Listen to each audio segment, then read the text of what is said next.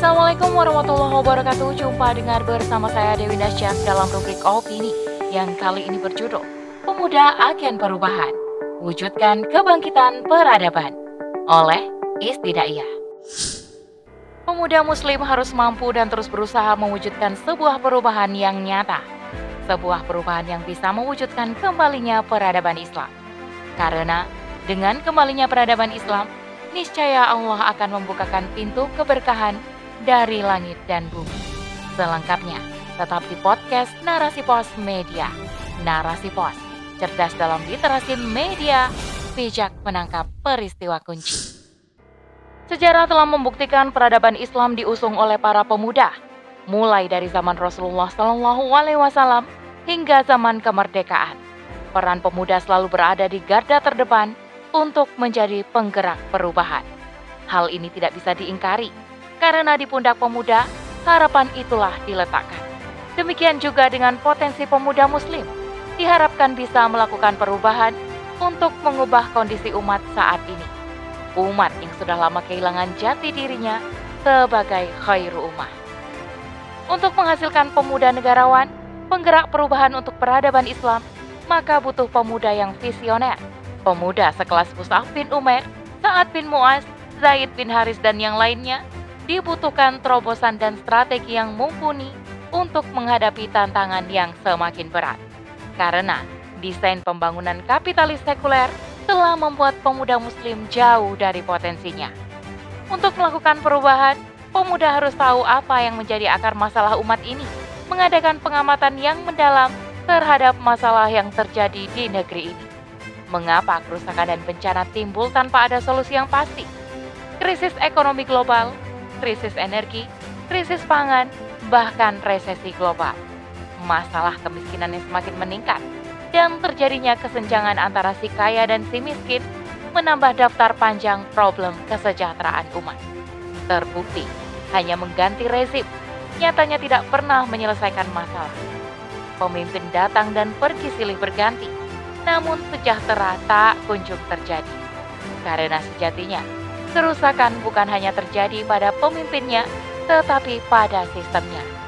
Terlepas dari serakannya industri kapitalisme yang menyasar para pemuda untuk dijadikan sasaran eksploitasi sumber daya ekonomi kapital, sebenarnya masih ada sosok-sosok pemuda yang peduli dengan keadaan bangsanya.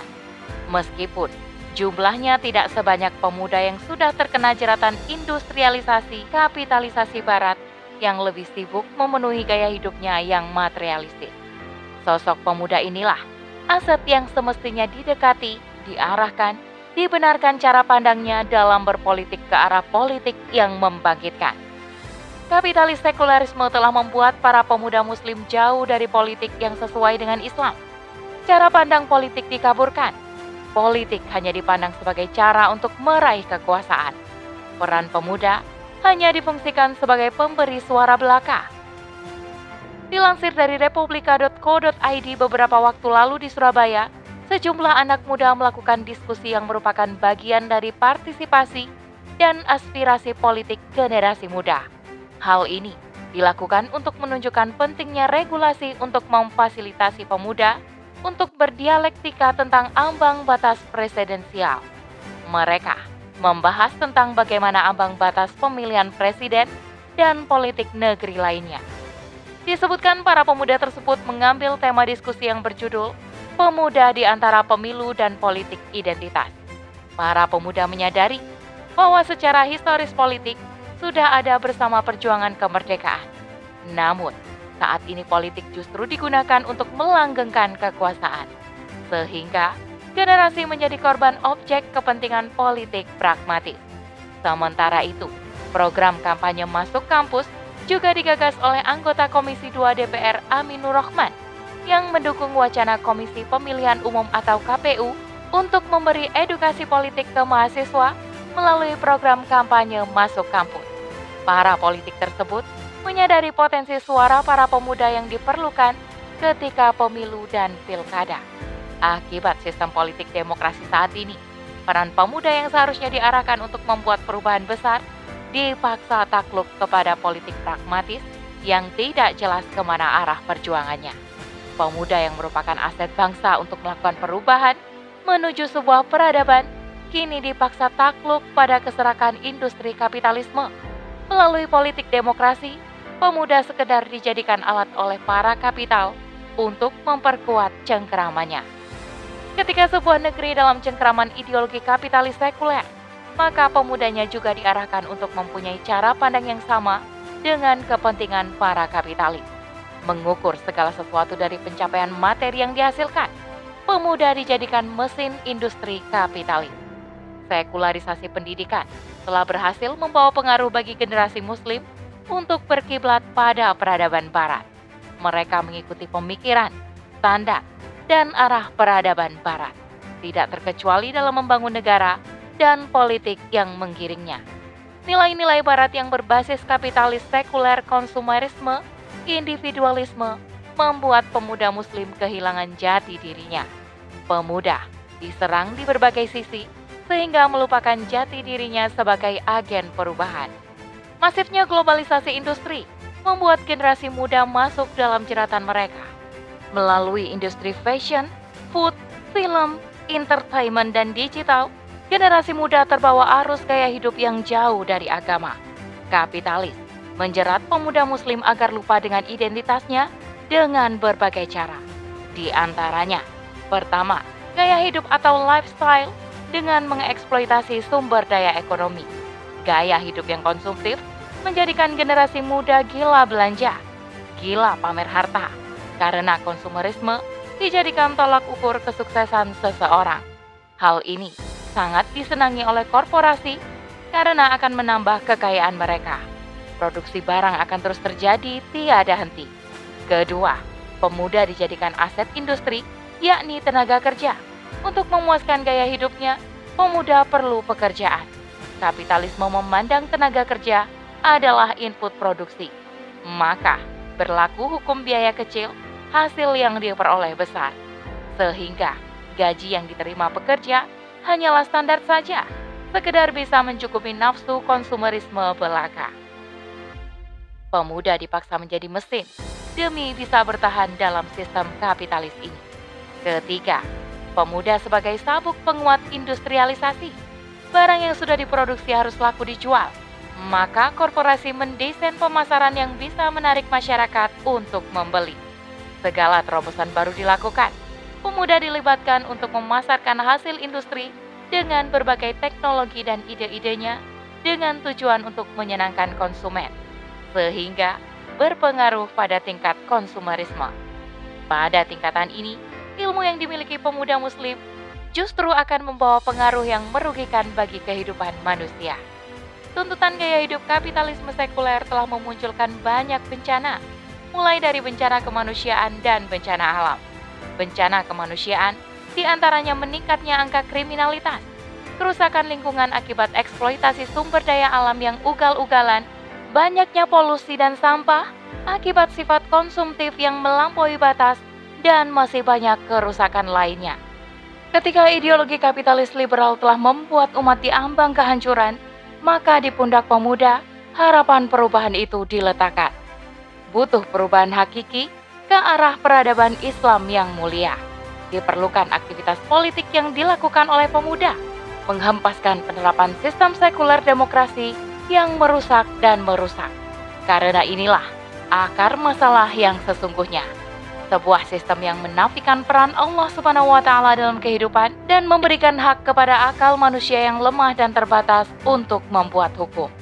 Sehingga diperlukan usaha untuk menyadarkan pemuda Islam agar segera bangkit, meninggalkan peradaban yang rusak menuju perubahan yang hakiki, yakni peradaban Islam. Inilah yang dicontohkan oleh Rasulullah SAW sebagai teladan yang terbaik dalam mengubah peradaban jahiliyah menjadi peradaban Islam yang mulia, yakni dengan aktivitas politik. Sebagaimana yang dilakukan oleh Rasulullah yang membina para sahabat menjadi kader-kader dakwah Islam dan kemudian menyebarkan kader-kader dakwah ini untuk mengajarkan Islam kepada seluruh masyarakat yang ada saat itu. Maka saat ini, umat juga harus segera melakukan hal yang sama agar kerusakan tidak menjadi lebih parah. Melakukan aktivitas politik kepada umat agar umat paham dan menerima Islam secara kafah. Rasulullah telah mencontohkan dakwah melalui perjuangan politik, karena dalam syariat Islam, politik adalah segala aktivitas yang terkait dengan pengurusan umat, yang meliputi keterkaitannya dengan kekuasaan sebagai pengaturan urusan umat secara langsung, maupun yang terkait dengan umat sebagai pelaku yang melakukan pengawasan aktivitas kekuasaan dalam mengatur urusan umat.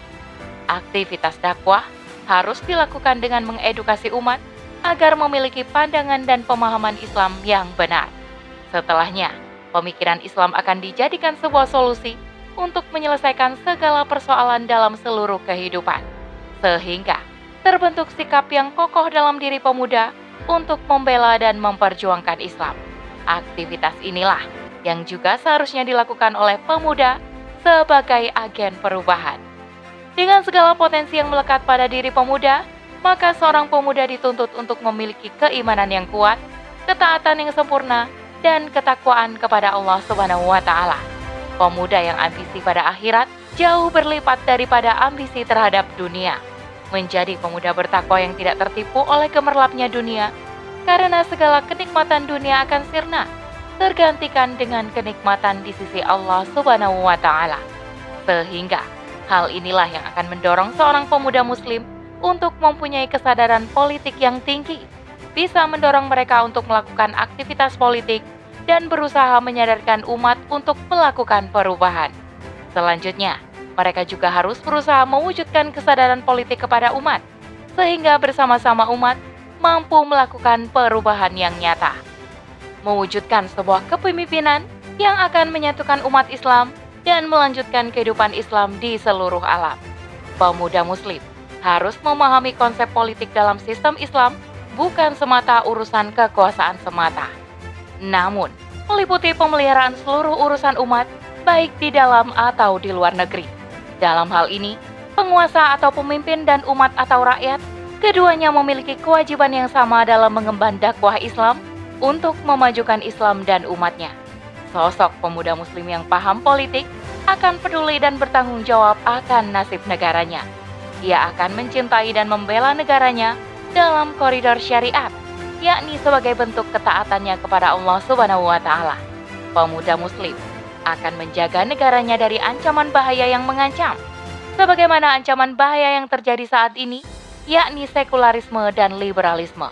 Karena inilah Sejatinya yang menjauhkan syariat Islam dari pengaturan kehidupan bermasyarakat dan bernegara yang menghalangi kebangkitan umat muslim di dunia.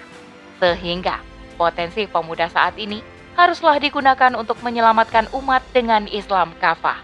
Pemuda harus peduli terhadap nasib negeri akibat tidak adanya penerapan hukum Allah dalam seluruh aspek kehidupan. Karena hanya ini yang bisa menyelamatkan umat dan negeri ini dari kerusakan yang lebih parah pemuda muslim wajib membuktikan kecintaannya kepada umat dalam bentuk ketaatannya kepada Allah Ta'ala. Menjadikan potensi mudanya hanya untuk mengabdi kepada Allah Ta'ala, taat pada syariatnya, dan berjuang menegakkan seluruh syariatnya. Pemuda muslim harus mampu dan terus berusaha mewujudkan sebuah perubahan yang nyata. Sebuah perubahan yang bisa mewujudkan kembalinya peradaban Islam. Karena dengan kembalinya peradaban Islam, niscaya Allah akan membukakan pintu keberkahan dari langit dan bumi. Sebagaimana termaktub dalam Al-Quran Surah Al-A'raf ayat 7, yang artinya, Jikalau sekiranya penduduk negeri-negeri beriman dan bertakwa, pastilah kami akan melimpahkan kepada mereka berkah dari langit dan bumi. Tetapi mereka mendustakan ayat-ayat kami, maka kami siksa mereka disebabkan oleh perbuatannya. Wallahu a'lam bisawab.